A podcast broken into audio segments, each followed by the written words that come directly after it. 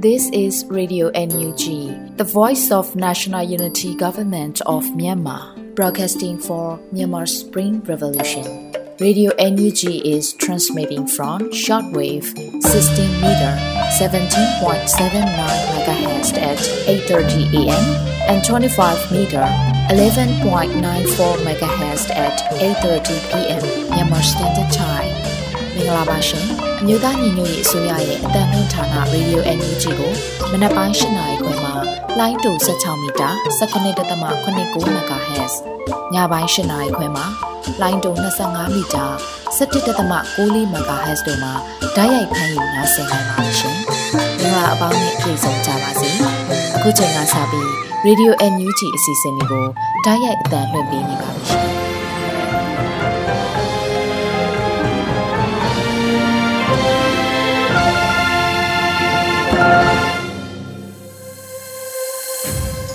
မြန်မာနိုင်ငံသူနိုင်ငံသားအပေါင်းတဘာဝဘေးစစ်အာဏာရှင်ဘီတို့ကနေကင်ဝေးပြီးကိုစိတ်နှပါအေဂျင့်လုံခြုံကြပါစေလို့ Radio Energy ဖွင့်သားတွေကဥစွာနှုတ်ခွန်းဆက်တာအပ်ပါတယ်ရှင်။ခုချိန်ကစပြီးပြည်တွင်းသတင်းများကိုຫນွေဥမိုင်ကဖတ်ကြားတင်ပြပေးမှာပဲဖြစ်ပါတယ်ရှင်။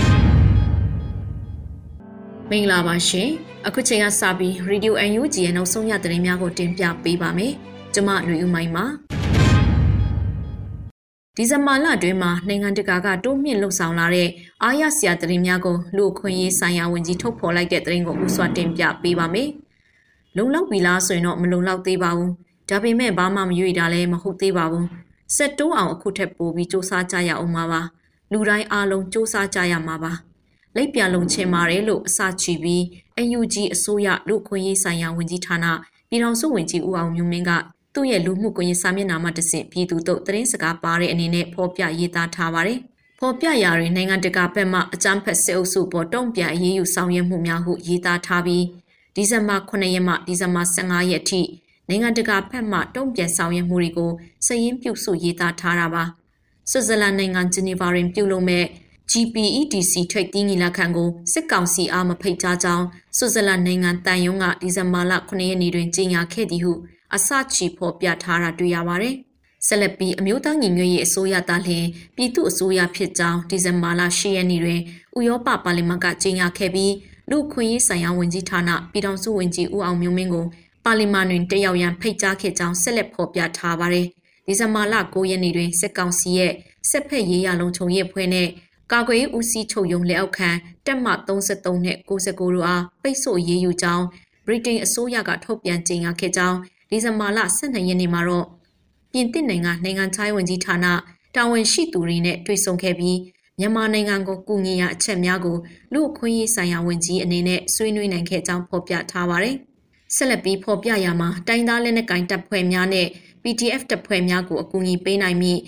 NDAA ကိုအမေရိကန်အထက်လွှတ်တော်ကအတည်ပြုနိုင်ခဲ့ကြောင်းဒီဇင်ဘာလ16မှာတော့မြန်မာတန်အမတ်ကြီးဦးကျော်မိုးထွန်းကိုမြန်မာအမြဲတမ်းကိုယ်စားလှယ်ဖြစ် တစ်နှစ်ဆက်ထားဖို့အထွေထွေညီလာခံကသဘောတူညီနိုင်ခဲ့ကြောင်းဒီဇင်ဘာလ16ရက်မှာတော့နိုင်ငံချိုင်းဝန်ကြီးဒေါ်စင်မာအောင်ဒီဥရောပသမဂနိုင်ငံချိုင်းဌာနအထွေထွေတွင်ရင်မှုနဲ့တွေ့ဆုံပြီး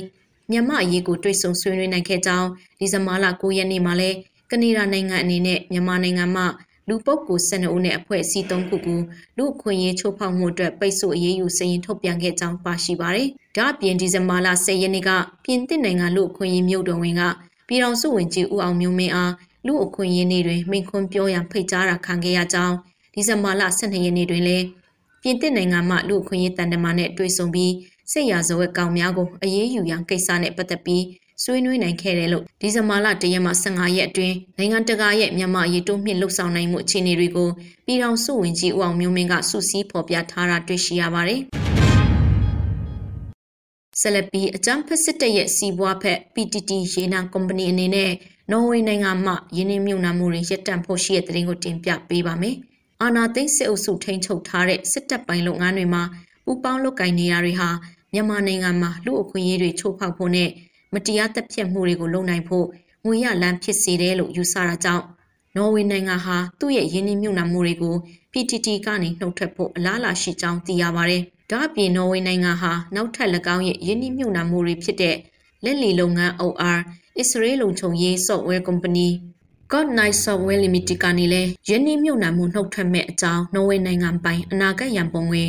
Norway Sovereign Wealth Fund မှာထည့်သွင်းကြေညာခဲ့ပါတယ်။အဆိုပါကြေညာချက်ကိုပြီးခဲ့တဲ့ရက်ပိုင်းအတွင်းကြေညာခဲ့တာဖြစ်ပြီး ဒီကုမ္ပဏီတွေဟာစစ်ပွဲဒါမှမဟုတ်ပြိပခမှာလူတအုပ်ချင်းတယောက်ချင်းစီရဲ့အခွင့်အရေးတွေကိုပြင်းပြင်းထန်ထန်ချိုးဖောက်ခံရမှုမှာတွယ်ဝဲတဲ့နီလန်းနဲ့ပါဝင်ပတ်သက်မှုရှိနေစေတဲ့လက်မခံနိုင်စရာအခြေအနေရှိပါတယ်လို့ရန်ပုံငွေအဖွဲ့ရဲ့ကျင့်ဝတ်ဆိုင်ရာကောင်စီကထုတ်ဖော်ပြောဆိုပါတယ်။စစ်အုပ်စုနဲ့ပူးပေါင်းပြီးအကြမ်းဖက်စစ်ရာဇဝတ်မှုတွေကိုအားပေးနေရတဲ့ကြောင့်မဖြစ်မနေတပိတ်မှုံရမယ့် စီးပွားလုပ်ငန်းတစ်ခုအဖြစ် PTT Company နဲ့၎င်းတို့ထုတ်ကုန်များကိုသွေးစွန်းငွေဖြင့်တပိတ်မှုတ်ကြရန်လူခွင့်ရလှုပ်ရှားဆောင်ရွက်နေတဲ့အဖွဲ့အစည်းတည်တည်က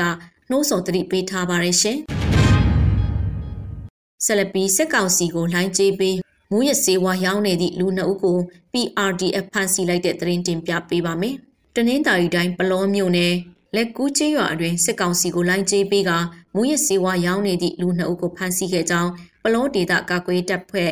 PRDF ကသတင်းဖော်ပြပါတယ်။ပလောဒေသကာကွယ်တပ်ဖွဲ့ PRDF အနေဖြင့်အထက်ပါဖမ်းဆီးမှုကိုယမန်နေ့ည8နာရီကပြုလုပ်ခဲ့ပြီးမပြုလုပ်ခင်လပိုင်းအလိုကလေးကမူရစေဝါရောင်းဝယ်မှုများမပြုလုပ်ရန်တတိပေးမှုများပြုလုပ်ထားခဲ့ပြီးဖြစ်ကြောင်း PRDF တပ်ဖွဲ့တာဝန်ရှိသူတို့ကပြောပါတယ်။မင်းညကဖမ်းဆီးလိုက်တာပါ။မဖမ်းခင်ကလေးကတတိပေးထားပြီးသားအခုကတိုင်ဝင်ကိုဝင်ဖမ်းလိုက်တာအသက်ရှင်လက်ကျွန်တော်တို့စီမှာရှိပါတယ်။ လက်ကူးကမူရစေဝါနဲ့ပတ်သက်ရင်နာမည်အကြီးဆုံးရွာကြီးပါအခုဖမ်းထားတဲ့ကောင်းတွေကိုအရေးတော်ပုံပြီးမှပြန်လွှတ်ပေးမယ်စောင့်ကြည့်အောင်ပါပါလို့ PRDF တပ်ဖွဲ့တာဝန်ရှိသူတို့ကရှင်းပြသွားပါတယ်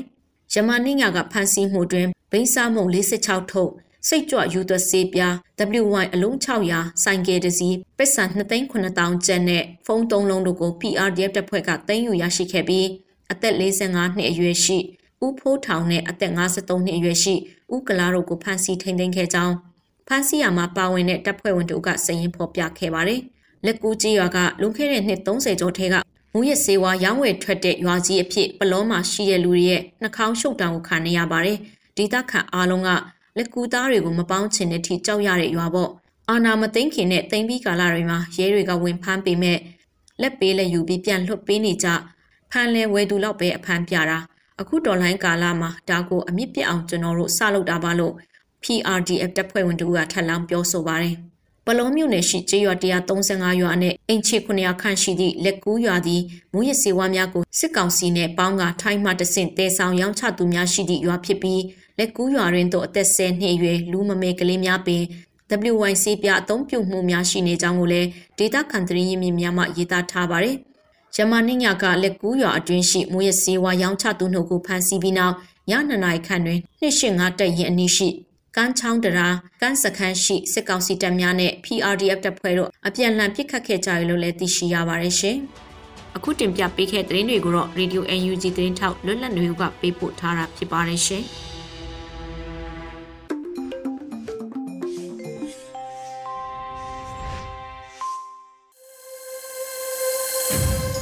ခုဆက်လက်ပြီးစစ်ကောင်စီမတရားဖမ်းဆီးထားရကလွတ်မြောက်လာသူအမေရိကန်မြန်မာဥကြောထေဦးရဲ့အတွေ့အကြုံပြောကြားချက်အပိုင်းနှစ်ကိုနှွေဦးလီဘီကမေးမြန်းတင်ဆက်ထားပါတယ်ရှင်။ဟုတ်ကဲ့ပါရှင်အရင်ဆုံးအနေနဲ့မြောက်လိုင်းနဲ့စစ်ကောင်စီကအခုလိုအာဏာသိမ်းလိုက်တဲ့အပေါ်မှာဘယ်လိုမျိုးသုံးသပ်ပြောကြားခြင်းပါလဲရှင်။အဓိကကတော့ဂျုံဆန်းစုကြည်ရောတမန်ယူဦးဝင်းမြင့်ကောကရှင်းတယ်သူတို့ကဥပဒေမဲ့ဒီစစ်အာဏာရှင်တွေကဖမ်းထားတာရှင်းရှင်းပြောရရင်မြောက်လိုင်းအာဏာယူတာ ဒါစစ်တပ်ကတောင်းဆိုတဲ့အတိုင်းသာလိုက်ပေးလိုက်ရင်တိုင်းပြည်ကနောက်နှစ်20လဲစစ်အာဏာရှင်အောက်ကမလွတ်တော့ဘူးအခုဆိုရင်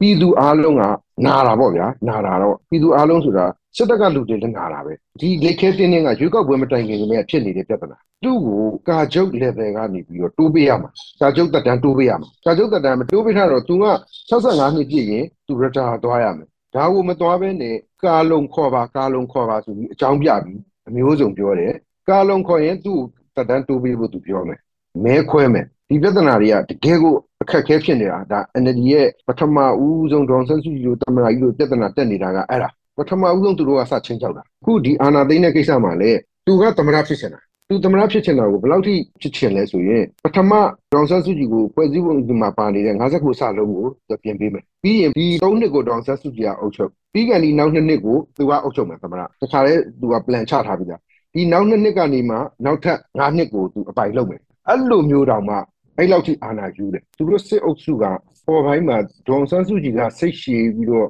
တိုင်းပြည်မျက်နှာမူပြီးလှုပ်လေသူတို့ကမတရားလှုပ်ထားတဲ့ခါကျတော့ကြောမလုံးလေဒီ9နှစ်မှာတော့သူတို့ကိုအမြင့်ပြတ်လှုပ်တော့မယ်ဆိုပြီးတော့သူတို့ကတွက်တာ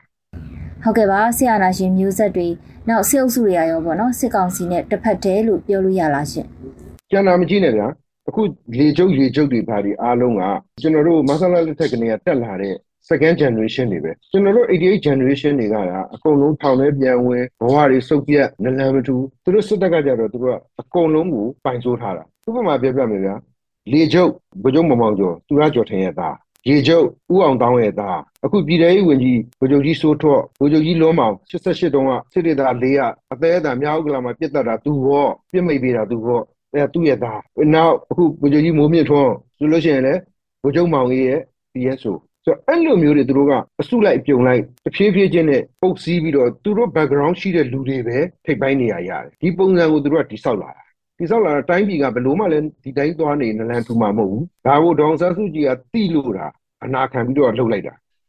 ဟုတ်ကဲ့ပါရှင်မြန်မာပြည်သူတွေအနေနဲ့အခုလက်ရှိအချိန်မှာဆိုရင်ဘယ်လိုရင်ဆိုင်ဖြတ်တန်းနေရတယ်လို့ပြောပြချင်ပါလိမ့်ရှင် အခုပြည်သူကိုရန်သူလို့သဘောထားပြီးခေါင်းကိုတက်တဲ့ချိန်ပြတဲ့လူကိုဘာမှမလုပ်လို့ပြည်သူကဒီလောက်ထိပုံနာကြီးသွားတာမတရားလုပ်တာအောက်ခြေစစ်သားတွေအစအခုကျွန်တော်ရမဲသိန်းထောင်ရောက်တဲ့အချိန်မှာလေစစ်ပြေးတွေဗိုလ်ကြီး level တွေစေးတက်ကလူတွေအဲ့ဒါတွေနဲ့အကုန်တွေ့ခဲ့တယ်တွေ့ရင်လည်းသူတို့ကိုယ်တိုင်ကိုစိတ်ထဲမှာနာကြီးချက်တွေဖြစ်လာတယ်အဲ့ဒီလောက်ကြီးသူတို့အချင်းချင်းမှလည်းလုံနေတာအခုຫນွေဦးတော်လိုင်းကြီးဖြစ်စဉ်အပေါ်မှာဒေါအောင်ဆန်းစုကြည်နဲ့ဦးဝင်းမြင့်တို့ရဲ့သဘောထားကဘယ်လိုရှိမယ်လို့ထင်မြင်မိပါလဲရှင် ကျွန်တော်တို့ကြားသိခဲ့ရသမျှတွေအားလုံးကဒေါန်ဆန်းစုကြည်ကဦးဝင်းမြင့်ခေါ်ကကျွန်တော်တို့ပြည်သူကိုဘယ်တော့မှစန့်ကျင်ပြီးတော့လုပ်မှာမဟုတ်ဘူးဆိုအဲ့အတွက်ကျွန်တော်တို့စိတ်ရှင်းရှင်းနဲ့ကိုလုပ်ရမယ်အခု NUG တို့ PDF တို့ CRPH တို့ဆိုတာလေခစ်စနစ်ရဲ့တောင်းဆိုလို့ပြည်သူရဲ့လိုအပ်ချက်ရပေါ်ပေါက်လာတဲ့အဖွဲ့အစည်းတွေအဲ့တော့ဒီအဖွဲ့အစည်းတွေပေါ်မှာလည်းဒေါန်ဆန်းစုကြည်ရောသမရာယူဦးဝင်းမြင့်ကောကောင်းမွန်စွာသူတို့ကဒီပြဿနာတွေအားလုံးကိုဖြေရှင်းနိုင်တယ်လုံနေတဲ့ပြဿနာတွေအားလုံးကိုလည်းဘယ်တော့မှဒေါန်ဆန်းစုကြည်ကပြစ်ပြစ်ခါခါလုံလိမ့်မယ်မဟုတ်ဘူးဆိုတာကိုကျွန်တော်ယုံကြည်တယ်အဲ့တော့2015မှာ NLD ကအနိုင်ရလာပြီးတဲ့အချိန်မှာဒေါန်ဆန်းစုကြည်ပြောခဲ့တဲ့ စကားလေးရှိတယ်လူတွေသိချမနာထောင်လို့ဘလို့ပုံစံနဲ့တိုင်းပြည်ကိုအုပ်ချုပ်မှာလဲမြစ်တာနဲ့ရှင်တဲ့နိုင်ငံရေးအုပ်ချုပ်မယ်တဲ့နော်တရင်ကရှင်းလင်းကပြောလိုက်တယ်ဆိုတော့တကယ်လဲသူကဖြုတ်ထုတ်တတ်မလို့ဘူးတိုင်းပြည်မျက်နှာကိုမူပြီးတော့နော်စူးတစ်ခုကိုနှုတ်တဲ့အခါမှာကိုယ့်ဘက်ကတော့ပေးဆက်ရတယ်ပြောများတယ်ဒါပေမဲ့ဒီလမ်းကြောင်းကိုကစစ်တပ်ကခိုင်ခိုင်မာမာလေးတာအော်ဒါအမှန်တရားပါပဲလားဆိုပြီးတော့လိုက်လာခဲ့ကျွန်တော်ဒီပြဿနာတွေမရှိဘူးတစ်ချက် နောက်ဒေါ်ဆန်းစုကြည်ရဲ့ဒီ9နှစ်တာကာလပတ်လုံးမှာရွေးကောက်ပွဲမတိုင်ခင်လေးမှာအင်တာဗျူးတစ်ခုလာသေးတယ်ဒါအစနဲ့အဆုံးပြန်ပြောပြတာနော်အဲ့ဒီမှာကျွန်တော်မှတ်ထားတဲ့ဥစ္စာလေးဘာအောင်မြင်ဆုံးလို့ပြောမလဲတဲ့ဆိုတော့ကျွန်တော်ဒေါ်ဆန်းစုကြည်ကတခွန်းပြောလိုက်တဲ့စကားသိကောင်းတယ် fearless ကြောက်တရားကင်းလွတ်သွားအဲ့ဒီရဲ့အကျိုးဆက်ကအခုဒီနေ့လူငယ်တွေဟာသူတို့ရဲ့အနာဂတ်ကိုသူတို့ကောင်းကောင်းသိသွားတယ်သူတို့အနာဂတ်ကိုသူတို့ထုဆက်ရမယ်ဆိုတော့လေသူတို့ကောင်းကောင်းနားလည်သွားတယ်ဘာဖြစ်လို့လဲအကြောက်တရားကင်းပြီးတော့သူတို့နေလာခဲ့ရတဲ့9နှစ်ရဲ့အရသာကသိတံဖို့ရှိတယ် ဥပမာကျွန်တော်တို့ကကျွန်တော်ဆို88ကနေပြီးတော့ဒီရေခင်းထဲမှာတောက်တောက်လျှောက်ပါလာခဲ့တယ်ယူနီဖောင်းဝတ်ရင်ကိုကြောက်နေတယ်ဟုတ်လားအင်ရှင်းမှာညတကောင်စင်းကျွန်တော်တို့ကိုအတိတ်ပဲမဲ့လာပြီးတော့စစ်တယ်စီးတယ်ဘာဝရမ်းမှမပေါ့ဘာဥပဒေမှမပေါ့အခုဆိုရင်ကလေးတွေကဒါကိုကောင်းကောင်းသိသွားတယ်ရဲလာရင်မေးပါဒေါန်ဆန်းစုကြည်ကလည်းပြောတယ်သူအလဲမှာလည်းပြောခဲ့တယ်လူတွေငြိမ်ဖန်နေပါနဲ့ဘာဖြစ်လို့ကျမအိမ်ကိုတကားဖွင့်ပေးရမလဲမေးပါ အဲ့တော့လူငယ်တွေအားလုံးကသူ့လက်ထက်မှာကြီးလာတဲ့လူငယ်တွေအားလုံးကဒီမိုကရေစီအရသာကိုလည်းသိသွားဟုတ်ကဲ့ပါရှင်ဒီ2015ခုနှစ် NLD အစိုးရ9နှစ်ကနေပြီးတော့အခုလို2021ခုနှစ်ຫນွေဦးတော်လှန်ရေးကာလစီကိုဘလို့အကြောင်းရောက်ရှိလာခဲ့တယ်လို့ပြောနိုင်ပါလဲရှင်အဲ့တော့ဒီຫນွေဦးတော်လှန်ရေးပေါ်လာတဲ့အကြောင်းဆက်က NLD ကြောင့်ဖြစ်လာတာအဓိကသူကလွတ်လပ်ခွင့်ပေးတယ်လူတွေကလွတ်လပ်ခွင့်ကိုသိသွားရင်ကိုတံပိုးကိုနားလည်သွားတယ်ဆိုတော့ ဒီလိုမျိုးကြီးစစ်အာဏာရှင်ကိုသူတို့က based on တိစောက်ထားတာကိုဒေါန်ဆန်းစုကြည်ကလူငယ်တွေနဲ့ public city မှာမလုပ်လဲ NLD ကအမတ်တွေလည်းတော်ပါတယ်ပြည့်စုံအောင်တော့မဖြစ်ဘူးပေါ့ဗျာသူတို့မှလည်းထောင်တွက်တွေနဲ့တကယ်ကိုစိတ်သက်ရှိလို့တာဘဝတွေကိုရုန်းကန်ပြီးတော့အခုချိန်ကြီးလှုပ်နေကြရတာဟိုစီးစိမ်ဥစ္စာနဲ့ ပညာရေးချင်းနဲ့ပတ်သက်ရင်တော့သူတို့လိုသူတို့သားသမီးတွေလိုတော့မတက်ကြပါဘူးဟုတ်လား MBA တွေလည်းမတက်နိုင်ဘူး PhD တွေလည်းမတက်နိုင်ကြဘူးဒါပေမဲ့စိတ်သက်ပိုင်းဆိုင်ရာမှာတော့တိုင်းပြည်ကိုချစ်တာတကယ်ကိုတိုင်းပြည်ကိုတိုးတက်စေခြင်းနဲ့စေတနာကတော့သူတို့ထက်တောင်သာသေးတယ်ရိုးသားမှုကလည်းသူတို့ထက်သာတယ်ဒီအခွင့်အရေးလေးတွေကိုကျွန်တော်တို့ရဲ့ငွေဦးတော်လှန်ရေးဆိုတဲ့ GZ တွေကတိသွားတာကလေးတွေကကောင်းကောင်းနားလည်သွားတာအဲ့တော့ငွေဦးတော်လှန်ရေးရဲ့အားကအခုဆိုအချိန်ကုန်သိကောင်းလာပြီ ဟုတ်ကဲ့ပါနောက်တစ်ခုအနေနဲ့ပေါ့နော်မြမအရေးပေါ်မှာအမေရိကန်အစိုးရရဲ့ထောက်ခံမှုအနေအထားကရောဘယ်လိုမျိုးသုံးသပ်ချင်ပါလဲရှင်ဟဟိုဝမ်းသာစရာထပ်ပြောကြားပြီးသားလည်းဖြစ်ကြမှာပါ NDAA ဆိုလို့ရှိရင်အဓိကကဒီပေးလိုက်တဲ့အချက်ကလေးကရှင်းရှင်းလေးစစ်တိုက်တာဒါ message ရှင်းရှင်းလင်းလင်းပေးတာစစ်တိုက်တာလွယ်တာမဟုတ်ဘူးစစ်သားတယောက်စစ်တိုက်ဖို့အတွက်တကယ်မှန်မှန်ကန်ကန်အောင်မြင်တဲ့စစ်ပွဲတစ်ပွဲဖြစ်ဖို့ဆိုရင်စစ်သားတယောက်ကိုပံ့ပိုးရတာအနည်းဆုံး6ယောက်9ယောက်လို့တယ်ဘာဖြစ်လို့လဲ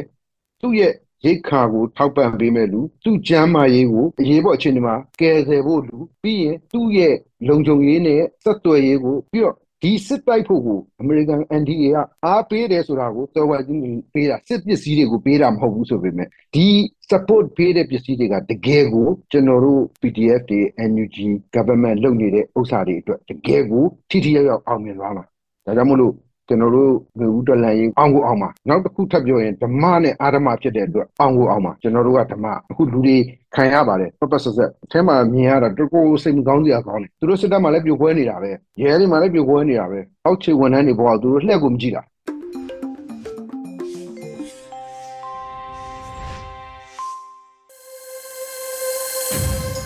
ဆက်လက်ပြီးနားဆင်ကြရမှာကတော့ရဲတဲ့ဘက်မိုးလေဝသခံမှန်းချက်များဖြစ်ပါတယ်။ကျွန်မຫນွေဦးမုံကဖတ်ကြားပေးမှာဖြစ်ပါတယ်ရှင်။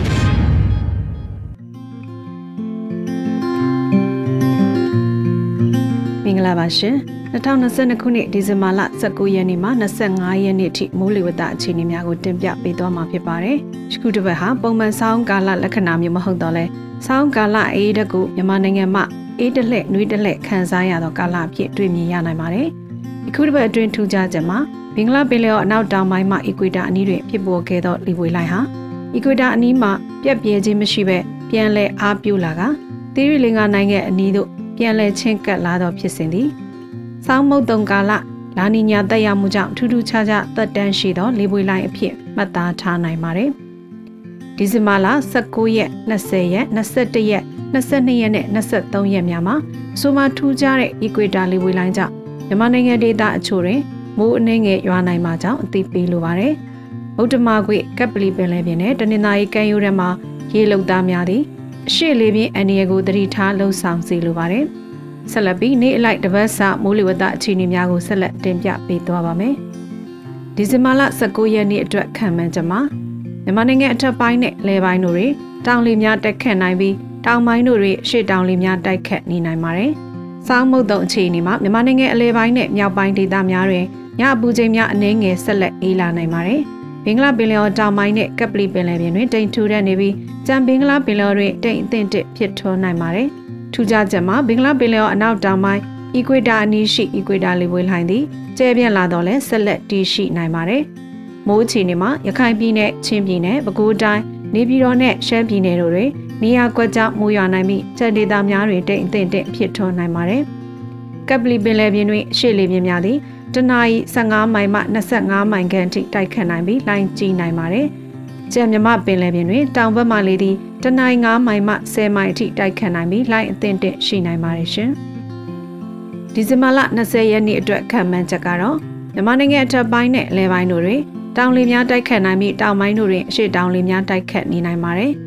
စောင်းမုတ်တုံချီနေမှာမြန်မာနိုင်ငံအလဲပိုင်းနဲ့မြောက်ပိုင်းဒေသများတွင်ညအပူချိန်များအနည်းငယ်ဆက်လက်အေးလာနိုင်ပါတယ်။ဘင်္ဂလားပင်လယ်ော်တောင်ပိုင်းနဲ့ကပလီပင်လယ်ပြင်တို့တွင်တိမ်ထူထပ်နေပြီးကြံဘင်္ဂလားပင်လယ်ော်တွင်တိမ်အသင့်တက်ဖြစ်ထွန်းနိုင်ပါတယ်။ထူးခြားချက်မှာဘင်္ဂလားပင်လယ်ော်အနောက်တောင်ပိုင်းအီကွေတာအနီးရှိအီကွေတာလေဝေလိုင်းသည်ပြန်လည်အားကောင်းလာနိုင်ပါတယ်။မိုးချီနေမှာ ရခိုင်ပြည်နယ်ချင်းပြည်နယ်ပဲခူးတိုင်းနေပြည်တော်မန္တလေးနဲ့ရှမ်းပြည်နယ်တို့တွင်နေရာကွက်ကျမိုးရွာနိုင်ပြီးကြံဒေသများတွင်တိမ်အသင့်တက်ဖြစ်ထွန်းနိုင်ပါတယ်။ကပ်ပလီပင်လယ်ပြင်တွင်အရှိလေးပြင်းများသည့်တနအီ15မိုင်မှ -30 ခန့်ထိတိုက်ခတ်နိုင်ပြီးလှိုင်းကြီးနိုင်ပါတယ်။ကျန်မြမပင်လယ်ပြင်တွင်တောင်ဘက်မှလေသည်တနအီ9မိုင်မှ10မိုင်ထိတိုက်ခတ်နိုင်ပြီးလှိုင်းအသင့်တင့်ရှိနိုင်ပါတယ်ရှင်။ဒီဇင်ဘာလ21ရက်နေ့အတွက်ခံမှန်းချက်မှာ မြန်မာနိုင်ငံအထက်ပိုင်းလယ်ပိုင်းတို့တွင်တောင်လေများတိုက်ခတ်နိုင်ပြီးတောင်ပိုင်းတို့တွင်ရှေ့တောင်လေများတိုက်ခတ်နေနိုင်ပါတယ်။စောင်းမုတ်တုံအခြေအနေမှာမြန်မာနိုင်ငံအလယ်ပိုင်းနဲ့မြောက်ပိုင်းဒေသများတွင်ညအပူချိန်များအနည်းငယ်ပြန်တက်လာပြီးအေးအေးနဲ့ငယ်ပြန်လျော့လာနိုင်ပါတယ်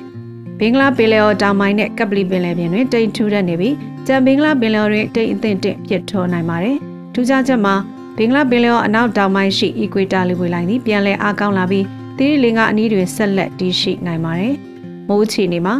စကိုင်းတိုင်းအောက်ပိုင်းမန္တလေးတိုင်းရှမ်းပြည်နယ်နဲ့မြောက်ပိုင်းတို့တွင်နေရာကွက်ကြားမိုးရွာနိုင်ပြီးကြံဒေသများတွင်တိမ်အသင့်တင့်ဖြစ်ထွန်းနိုင်ပါတယ်။ကပ်ပလီပင်လယ်ပြင်တွင်အရှိမမလေသည်တနအီ10မိုင်မှ15မိုင်ခန့်အထိတိုက်ခတ်နိုင်ပြီးလိုင်းကြီးနိုင်ပါတယ်။ကြံမြမပင်လယ်ပြင်တွင်နောက်အနောက်မြောက်ဘက်မှလေသည်တနအီ9မိုင်မှ10မိုင်အထိတိုက်ခတ်နိုင်ပြီးလိုင်းအသင့်အင့်ရှိနိုင်ပါတယ်ရှင်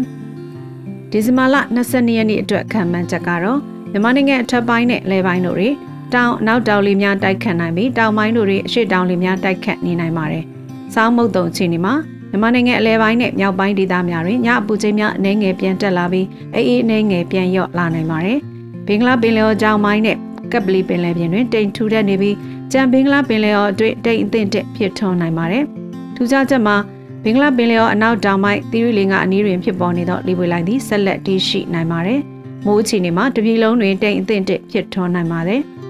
ကပ်ပလီပင်လယ်ပြင်တွင်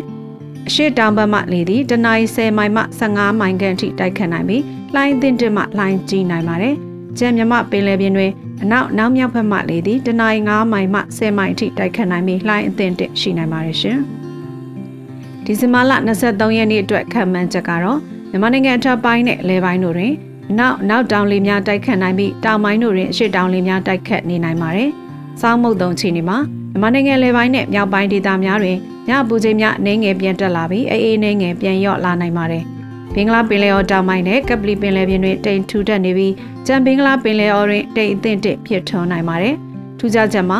ဘင်္ဂလားပင်လယ်အော်အနောက်တောင်ပိုင်းသီရိလင်္ကာအနီးတွင်ဖြစ်ပေါ်နေသောလေပွေလိုင်းသည်ဆက်လက်တည်ရှိနိုင်ပါတယ်။မိုးချီနေမှာရခိုင်ပြည်နယ်တောင်ပိုင်းနဲ့ AR တိုင်းတို့တွင်နေရာကွက်ကျမိုးနှင်းငယ်ရွာနိုင်သည်မှအပကြံတပြီလုံးတွင်တိမ်အသင့်တစ်ဖြစ်ထွန်းနိုင်ပါတယ်။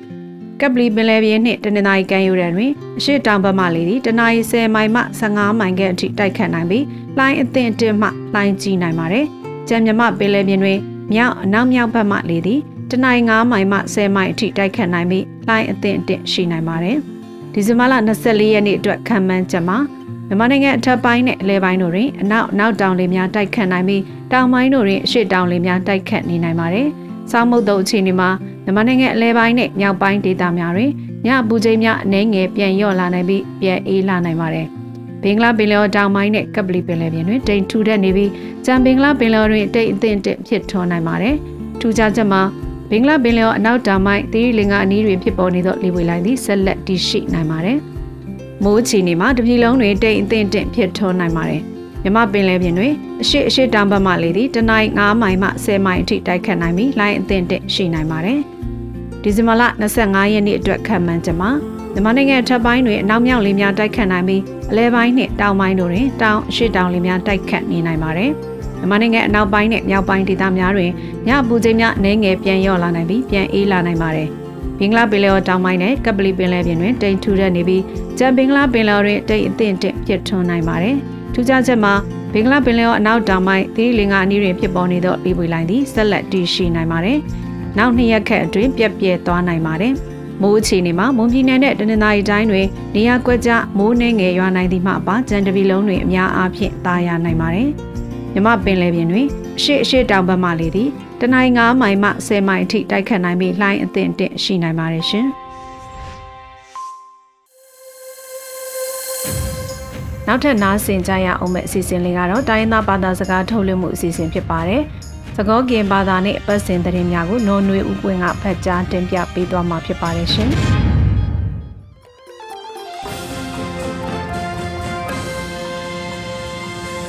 Hello ဝေကိုရတဲ့အစိုးရတော့ကွမီပါသူလို့အန်ယူချီကွဲလေးလို့အထရက်တာကလေးနီလို့အခဲအီကပါဖလာထော်နေသူတနွေအတော်ပူတာကစောနေလို့ရဲရမိမေနော်နွေဦးပွင့်နေလို့ တာကစောခေါ်တီတီမီဝေတာတာလူတဖာမီအိုထော်နေတာဘလတက်စာတဖာတာဟီလောကလူဒေါ်တနေတဖာကထုထောကတော်ဝဲဝီကမ္လအောတာဘလူအဝဲတဖာကမနီဝဲအလေကောဆပ်ပိုကိုတုကလမန်ဝိခတဲ့တဖလာဝဲတာရင်းနီတော့တာတေးပါဝဲတာတဲဆာတဖာတာလူတဖာမြေဦးထုံနေတာဘလတဲဆာတဖာတာဟီလောကလူ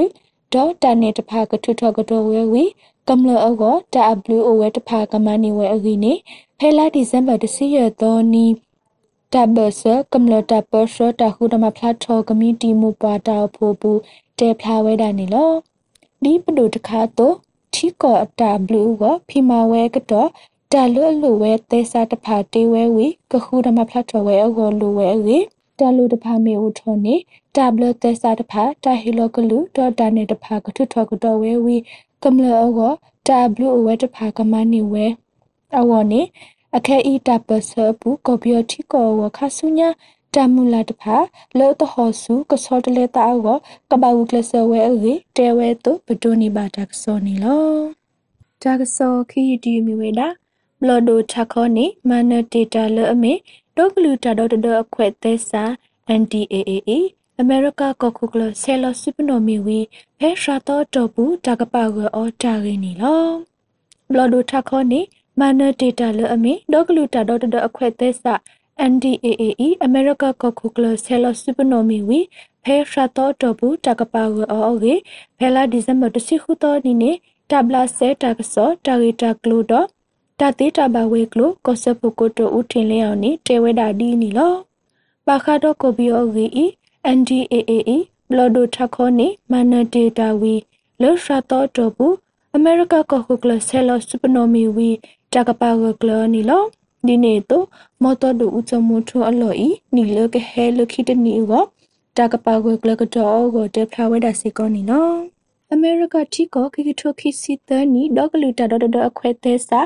NDAA နေအမေရိကဘလဒိုထခေါနေလေတာမဆဆော့ထွေး တာဖာခေါ်စီတခါတော့ပါကကလဝဲဒါနီလောဖဲ NDAA ပူဘမတ် at e turn new weather we ko bio thi ko do gluta pho su ko we kra ta pha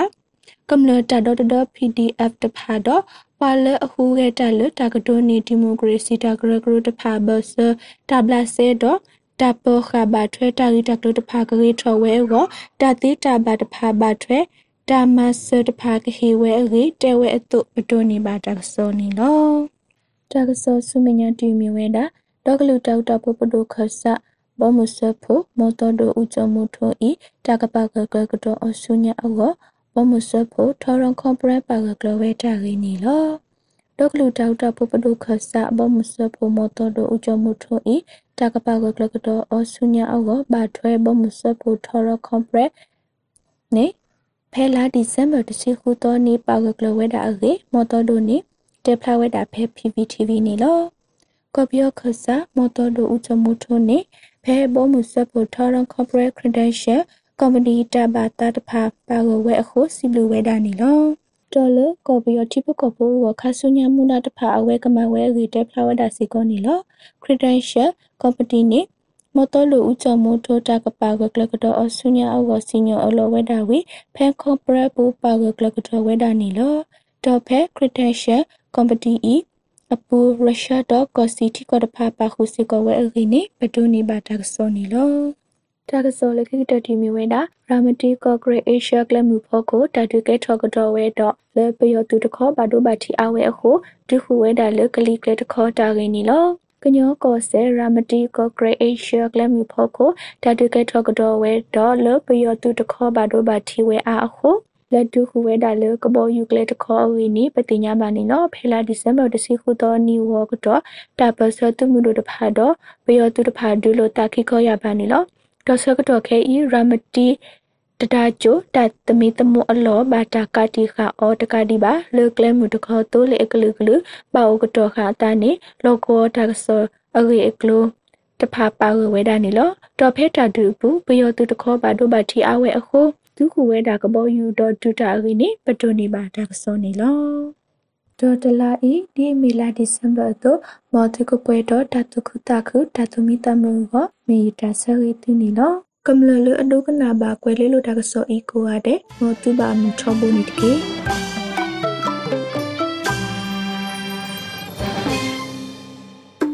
ဒီကနေ့ကတော့ဒီညနဲ့ပဲ Radio NUG ရဲ့အစီအစဉ်လေးကိုခਿੱတရနာလိုက်ပါမယ်ရှင်။မြမစံတော်ချိန်မနက်၈နာရီခွဲနဲ့ည၈နာရီခွဲအချိန်တွေမှာပြန်လည်ဆုံတွေ့ကြပါစို့။ Radio NUG ကိုမနက်ပိုင်း၈နာရီခွဲမှာ လိုင်းတူ16မီတာ19.8 MHz ညပိုင်း၈နာရီခွဲမှာလိုင်းတူ25မီတာ17.6 MHz တို့မှာဓာတ်ရိုက်ဖမ်းလို့နိုင်စေနိုင်ပါပြီ။မြန်မာနိုင်ငံသူနိုင်ငံသားတွေကိုစိတ်နှပြကျန်းမာချမ်းသာလို့ဘေးကင်းလုံခြုံကြပါစေလို့ Radio NUG အဖွဲ့သူဖေသားတွေကဆုတောင်းမြတ်တာပို့တာနေပါတယ်ရှင်။မြေသားမျိုးတွေအစိုးရရဲ့စက်တော်ရင်သတင်းအချက်အလက်တွေလုပ်ပညာဝန်ကြီးဌာနကထုတ်လွှင့်နေတဲ့ Radio NUG ဖြစ်ပါတယ်။ San Francisco Bay Area အခြေစိုက်မြန်မာမိသားစုတွေနဲ့နိုင်ငံတကာကစေတနာရှင်တို့အားပေးနေတဲ့ Radio NUG ဖြစ်ပါတယ်။အရေးတော်ပုံအောင်ရမည်